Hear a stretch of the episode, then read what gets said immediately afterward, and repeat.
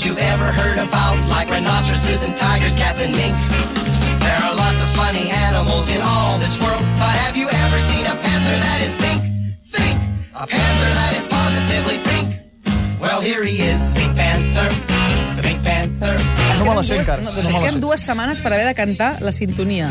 Buscarem una música karaoke i damunt tu i jo interpretarem aquesta lletra. Espero que no trobem la, música karaoke. No, Em sembla que hi és, sí, el Santi se diu que la trobarem, Sí? que no et preocupis que la trobarem.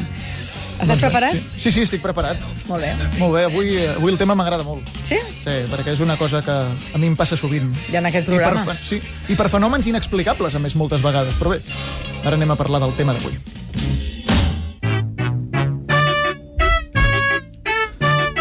La incontinència emocional de la pell és el que al món occidental es coneix com pell de gallina. És trist, però el propietari de la dermis, de l'epidermis, no té cap mena d'autoritat. Ni mana, ni dirigeix, ni controla una merda. Ens pensem que tenim un domini total sobre el nostre organisme, però el cos humà és una república bananera on cada òrgan fot el que li dóna la gana. Quan la pell perd el control de les seves emocions, ja pots fer totes les cabrioles possibles que mai aconseguiràs evitar que se't posi de gallina. La pell és ingovernable i anàrquica. Això és molt fotut, perquè en moments on vols aparentar fredor, la pell et pot delatar i pot deixar en evidència que tens l'estat d'ànim alterat. Senyor Balaguer, la seva secció ha estat seleccionada per representar Catalunya al Mundial de Seccions de Ràdio de més de 15 pàgines. I a mi què? Va, no, no foti el burro. Com? Eh, Que no intenti dissimular. Que li he notat la notícia i s'ha emocionat més del compte. I se li ha posat la pell de gallina. Com ho saps, si vaig vestit amb un equipament de neoprè? Ah, perquè l'emoció ha estat tan potent que els pèls se li han disparat i han perforat el seu equipatge de busseig. Era nou d'aquesta tarda i me l'havia comprat justament per camuflar les meves emocions. M'hauria d'haver comprat el car, resistent a les pells de gallina més ferotges. Mm, L'hauria descobert igualment, Balaguer. Se li ha posat de gallina fins i tot la pell de les parpelles. Després d'una dècada d'intens estudi sobre el tema, he arribat a la conclusió que la pell es posa de gallina per quatre motius. 1. Per coses que t'emocionen. 2. Per coses que t'horroritzen. 3. Per coses que no t'esperaves i que et provoquen un fort impacte. I 4. Per la nostàlgia. Quatre motius per un mateix aspecte. Sí, estimats, aquesta és una de les tares de la pell de gallina. No existeix un format diferent per cadascun dels sentiments que representa. La pell de gallina sempre es manifesta igual. D'aquesta manera, un avantbraç amb la pell de gallina per horror és idèntic a un avantbraç amb la pell de gallina per emoció. I ni tan sols de cinyes vivim, Hòstia, del so dels cinyes, què fot aquest aquí? no la vida del mot, Què diu? Què diu? sinó la pèl del so. L'entelament del món Element? a l'obatge des mot. Ei, tio, Què? que se t'ha posat la pell de gallina escoltant el José María Aznar? És que m'horroritza escoltar-lo. Em provoca una sensació d'angúnia que m'arissa tots els pèls del cos. I si sóc un impostor? Com que no hi ha piel de gallina en modo horror i piel de gallina en modo emoción, puc fingir horror quan en realitat el que estic sentint és emoció. Penseu detingudament en això? I en les vegades que els vostres coneguts, amics i parents us hauran enganyat a l'hora d'explicar la irrupció d'una estranya pell de gallina. Una altra de les grans pegues que té la pell de gallina és que tu no tries el que te la posa. Atenció a l'embarbussament. Heu d'estar molt atents. Uh -huh. Hi ha vegades que te la posa alguna cosa que t'avergonyeix que te la posi. En canvi, altres coses que tu voldries que te la posessin no te la posen ni que volquis totes les teves energies per aconseguir que te la posin. S'ha entès? Mm, Jo això ho vaig descobrir quan tenia 15 anys. La meva topada amb la realitat gallinàcia va ser el dissabte 4 de maig de l'any 1991. Tota la família seia al voltant del televisor. Els meus pares i la meva germana al sofà. Jo al terra, uns metres més endavant. Ei, ei, ei, calleu, calleu, que ja li toca. A veure com fa el ridícul aquest paio. Això pot ser Eduardo massa. Leiva. Sergio Dalma canta Bailar Pegados. Der Beitrag für Spanien. Aquest festival és caspa pura. No crec que duri molts anys, això d'Eurovisió. Quina pantomima, quin horror. Quina caravana de monstres. Pare, i si és tan dolent, per què ho estem mirant? Realment, realment no ho sé, fill. Jo això m'ho pregunto cada any. Començo a pensar fermament que els Balaguer són masoquistes. Està, està guapot, en Sergio, eh? L'han pentinat molt bé. Silenci, silenci, que vull escoltar aquesta fatalitat. Es como estar bailando solo. A casa es fa el silenci. Fins i tot la nevera, que sempre remuga, ha callat. El hàmster també deixa de fer voltes a la roda i mira la tele a través dels barrots de la gàbia. De sobte, quan en Sergio diu «Bailando yo en el polo», s'amarissa lleugerament la pell del clatell. Ei, això no, sisplau. Tanco els ulls i em concentro. Intento no escoltar, pensant altres coses. Però la seva veu trencada, la manera de modular-la i notar com les seves cordes vocals s'enfilen amb facilitat a les notes més altes acaba desfermant l'eufòria de la meva pell. La pell de gallina s'escampa com un virus. Del clatell passa al crani i es ramifica a la dreta i a l'esquerra amb molta intensitat, seguint el camí que l'ha de fer desembocar al front. Això ja no hi ha Déu que ho aturi. En qüestió de segons, l'atac emocional s'estén a totes les zones del cos i la meva epidermis presenta un aspecte gallinaci que ja no puc amagar. Em sento ridícul. Sort que estic amb la família i no amb els col·legues de l'institut. Si em veiessin ara, seria motiu de mofa durant els pròxims 10 anys. Sense apretar els ulls de la tele i totalment abduït pel bailar pegados, maleeixo la meva pell i el currículum de les meves emocions. Jo vull que se'm posi de gallina quan escolto el Nothing Else Matters de Metallica. Però per més que m'hi esforço, només ho aconsegueixo fent una trampa, que consisteix a tirar-me un glaçó de gel per dins de la samarreta dissimuladament mentre escolto la cançó. Aleshores els ensenyo l'avantbraç als col·legues i els dic Ei, tios, mireu com se'm posa la pell quan escolto aquest temazo. Metallica és de puta mare. Però tot és una fal·làcia. Amb el Nothing Else Matters, la pell no se m'eleva ni una miqueta. I, en canvi, amb en Sergio Dalma i el seu bailar pegados, tinc tots els pèls del cos drets, aplaudint, embogits, la seva gran actuació.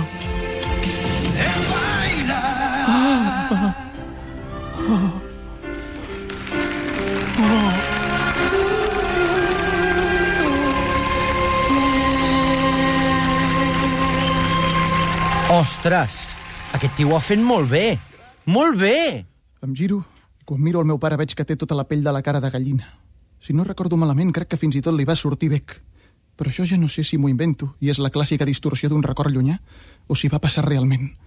El que sí que sé segur és que la meva mare estava agarrativada al sofà. No es movia, no deia res. Mare, et trobes bé? Diu la mare que obris una mica la finestra del menjador, que es ventili una mica. En aquesta sala fa un insufrible olor corral. Aquesta va ser la meva contundent topada amb la realitat gallinàcia. Però no va ser pas la primera vegada que se'm va posar la pell de gallina. Per trobar la meva primera vegada hem d'anar a l'any 1982. Jo tenia 5 anyets i un dia mirant una sèrie de televisió que seguia tothom, va passar això.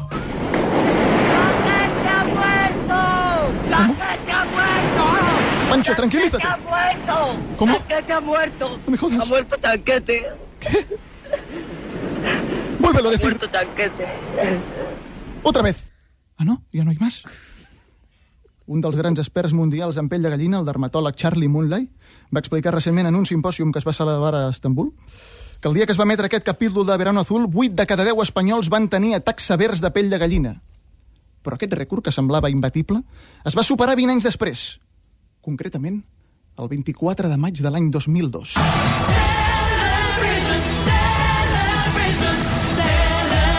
Tothom recorda tres moments, tothom recorda tres coses que estava fent en un moment concret. El dia que van dir a la Vil de Barcelona, tothom sap on era, el dia de les Torres Bessones, tothom sap què feia i on era, i el dia que Rossa va representar Espanya a Eurovisió, també tothom recorda el que feia. Oh. Després de l'èxit brutal de la primera edició d'Operació Triunfo, tothom esperava amb candeletes al Festival d'Eurovisió de l'any 2002. La gent es va reunir a les cases i van preparar pica-pica generosos al voltant de la tele per seguir el festival. Un fet insòlid que difícilment es tornarà a repetir. El moment estel·lar de l'actuació va ser el segon 18, quan Rosa López va entrar a l'escenari i va començar a cantar. En aquell moment, la pell de gallina es va apoderar de milions de cossos d'arreu de Catalunya. Els catalans no ens podíem creure que això ens estigués passant a nosaltres, però ja tindríem temps per reflexionar i analitzar-ho. Ara era moment de gaudir i de deixar que la pell es fes a sobre totes les seves emocions. El 24 de maig del 2002, la plaga de pell de gallina provocada per Rosa López va col·lapsar els serveis d'urgències dels hospitals i es van haver d'ingressar més de 300.000 persones que presentaven quadres d'epidermis gallinàcia furibunda i episodis de pell de gallina continuada, que és aquella que no baixa, aquella que passen a les hores i els dies i no hi ha manera que torni al seu lloc. És com si l'emoció es perpetués. L'erecció de la pell, en estat permanent, no és cap broma, amics. T'imagines que ens quedem així per sempre? Li va preguntar un malalt a un altre en una habitació de l'Hospital Josep Trueta de Girona el dotzè dia d'ingrés. I l'altre, amb la mirada clavada a la sonda, va respondre Si em queda la pell així aixecadeta, rai, tampoc em desagrada. El que no sé és com li explicaré al meu entorn i a tots els curiosos que això m'ha passat per culpa de la Rosa López i el seu maleguit Europe's Living a Celebration. Ara m'agradaria repassar algunes coses més que a mi particularment em posen la pell de gallina. La primera és una cançó que sempre que vaig a un karaoke i algú la canta, se m'arissa fins i tot el cervell, els palmells de les mans i, amb perdó, també l'escrot. Per favor. S'ha de reconèixer. Són les tres zones... No, no, és que això és... Tira, tira. És, és, és científic, això, eh? Són les tres zones que menys vegades tenen aquest mal epidèmic generat pels sentiments. Si se t'arissen aquests tres punts, senyal que estàs veritablement fumut. Toma! és pell de gallina d'horror. Aquest és el tema més sol·licitat als karaokes. Es calcula que cada nit el canten 850 persones només a Catalunya. El 80% el destrossen i només un 5% arriben a l'aprovat justet. S'ha de ser molt valent o un inconscient per atrevir-se a cantar aquest tema en públic si la veu no t'arriba. Jo he assistit a autèntiques acatombes. Jo he vist recitar els grotescos perpetrats per persones que sense saber cantar ni l'aniversari feliç s'han enfilat a l'escenari i han intentat emular la Whitney Houston. Amb un parell de collons i un parell de copes, també. Perquè la raó és aquesta, Tatiana, ho tinc clar. A partir de la segona copa la vergonya se'n va dormir i et deixa sol. És llavors, quan tens els pebrots per cantar en públic, cançons que normalment només cantes a la dutxa i fluixet, perquè els veïns no sentin cofots de pena. Sempre penso que m'acabaré acostumant a la situació i que la següent vegada que assisteixi a la matança del porc, els pèls ja no se'm posaran de punta per culpa de l'horror. Però no. Quan algú torna a agafar el micro i comença a patir i a fer-nos patir, intentant arribar sense fortuna a les notes més altes del I will always love you, la pell es torna a revelar, indignada, horroritzada.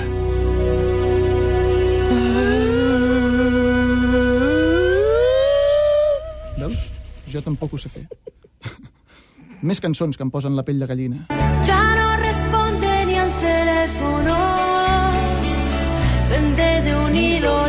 Quina gran lletra. Pende de un hilo la esperanza mía. Yo no creí jamás poder perder así oh, cabeza por él. Ningú diu perder com Laura Pausini. És impossible que en aquest món hi hagi... No. ni Eros. No, no, no. Aquesta és d'emoció, ho confesso. Laura Pausini, un dels meus amors platònics, portava la carpeta de l'Institut folrada amb les seves millors fotos. Tinc tota la seva discografia i tots els seus videoclips gravats en VHS i me'ls miro sovint per tenir la sensació que tinc en aquests moments. Mira com estan les meves extremitats. Hosti, nen, quina pell de gallina més bèstia. Sí, i això no és res. Mira'm el clatell i la closca. Uf, Alguna vegada havies vist una qualitat com aquesta? Què? Com se't queda el cos, ara, maca? ostres, però moment, no et fa mal, això? Sembla que t'estigui com tibant molt, no, aquí? És que em tiba?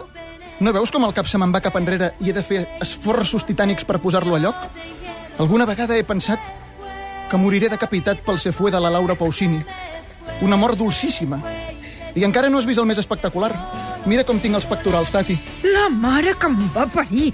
Mai havia vist una pell de gallina tan de punta com aquesta. Eh, puc tocar una mica? És clar, m'encantarà, però vigila, no et facis mal. Pensa que ara és com si tingués l'epidermis recoberta per milions d'agulles de cosir molt afilades. Ah, ah, quina sensació més estranya. Semblen com, eh, com cactus. Vigila, no et punxis. Que no, que no, tranquil, que jo controlo. Ah, és al·lucinant. Ho sé. És que m'emociona molt, Tatiana. I la pell de gallina no se'm treu. Dura durant tot el tema. Baixa una mica la tornada, però revifa amb molta força quan arranca la segona part de la cançó. Ara ha sortit una nova versió d'aquest mega hit. L'has escoltat, tu? No, encara. L'interpreta Leticia Sabater i sona així. ya no responde ni al teléfono. Pende de un hilo la esperanza mía. Mira com no diu perder. Yo no creí jamás poder perder No és el mateix. no, No és aquell perder. Com pots comprovar, Tatiana, el meu cos continua amb la pell de gallina. No hi ha hagut destrempada general de l'epidermis, però ara és d'estupefacció. És perquè el que escolto m'horroritza i m'impacta molt que algú pugui versionar un clàssic d'aquesta manera tan pintoresca i no li faci vergonya publicar-ho. S'ha passat molt a l'Eti. Però no li tindré en compte perquè com a mínim m'ha demostrat que és una tia valenta. I sobre aquesta base musical, donem per acabada la primera entrega de Pell de Gallina perquè ens hem deixat el millor per la setmana vinent. Farem Pell de Gallina versió nostàlgia. Aquí ja us ho dic, hi haurà material molt sucós. Sentirem coses que en el seu moment no ens van provocar, no ens van provocar res estrany a la pell, però que quan les tornes a escoltar 20 anys després et posen els pèls de punta i fins i tot et fotries a plorar. Serà un matí de diumenge emocionant, però perquè arribi aquell moment ha de passar encara tota una setmana i jo li demanaria al Santiso, sisplau, que tregui això d'una punyetera vegada. Fuera! Ara ens hem emocionat. A tu no et passa, no? No, mira. Res, mira, llis com el cul d'un nadó. Mira, Res. aquest tros, En canvi, el Santiso s'ha aixecat de la cadira i tot. aquest tros, que segurament ara té... Quants oients té aquest programa, Tatiana? Els diumenges 142.000, el programa més escoltat a Catalunya el diumenge. Doncs ara, segurament d'aquestes 142.000 persones, possiblement 90.000 escoltant el Nothing els Mothers. Ploren, ploren. Pell de gallina. Segurament sí, és un dels temes que posa la pell de gallina més humans. Sí, sí, sí. I a mi no. No passa res, a tu t'ho posa la, el Se Fue de la Laura Pausini. Passa'm un glaçó de gel que me'l tiraré per aquí. Escolta'm, David, abans que te'n vagis, quin tancament és el que més t'ha afectat a tu a la vida? Coses que han tancat, museus, escoles, fàbriques, botigues centenàries... És un bar, ho sento. Un bar? És un bar. Sí, perquè anàvem sempre a prendre unes copes a un bar que es deia Califòrnia, al carrer Escudellers de Barcelona. Eh? I un bon dia arribem allà Ximpum. Ja no hi era. En el seu lloc, un wok. Bueno, un wok no, un restaurant eh, petit japonès, però molt petit. No era un wok, clar, perquè un wok normalment és gegant. I clar, Clar, el llàstima. desencís va ser, va ser fort. Doncs mira, precisament això és el que estem preguntant avui al suplement. Eh? Quin és el tancament que més us ha afectat? Allò, la botiga que ha tancat, l'escola on veu estudiar quan va tancar, un museu que sempre hi anàveu els diumenges, una fàbrica, un teatre petitó que va tancar les portes, o un teatre gran. Ens ho podeu contestar a través del telèfon del directe, el 932017474, a través del correu electrònic suplement arroba catradio.cat o, evidentment, entrant a facebook.com barra el suplement i deixant-hi el vostre comentari. Aproximadament d'aquí a una horeta, la Núria Coll i el Xavi Rossinyol en faran un resum de totes les respostes que ja estem rebent des de primera hora i, a més a més, sortejarem entre tots els que digueu la vostra un àpat per dues persones al restaurant Aliguer de Manresa. David, t'espero la setmana que ve Sí, amb aquesta pell de gallina versió nostàlgia. grans documents, eh? Nothing else matters.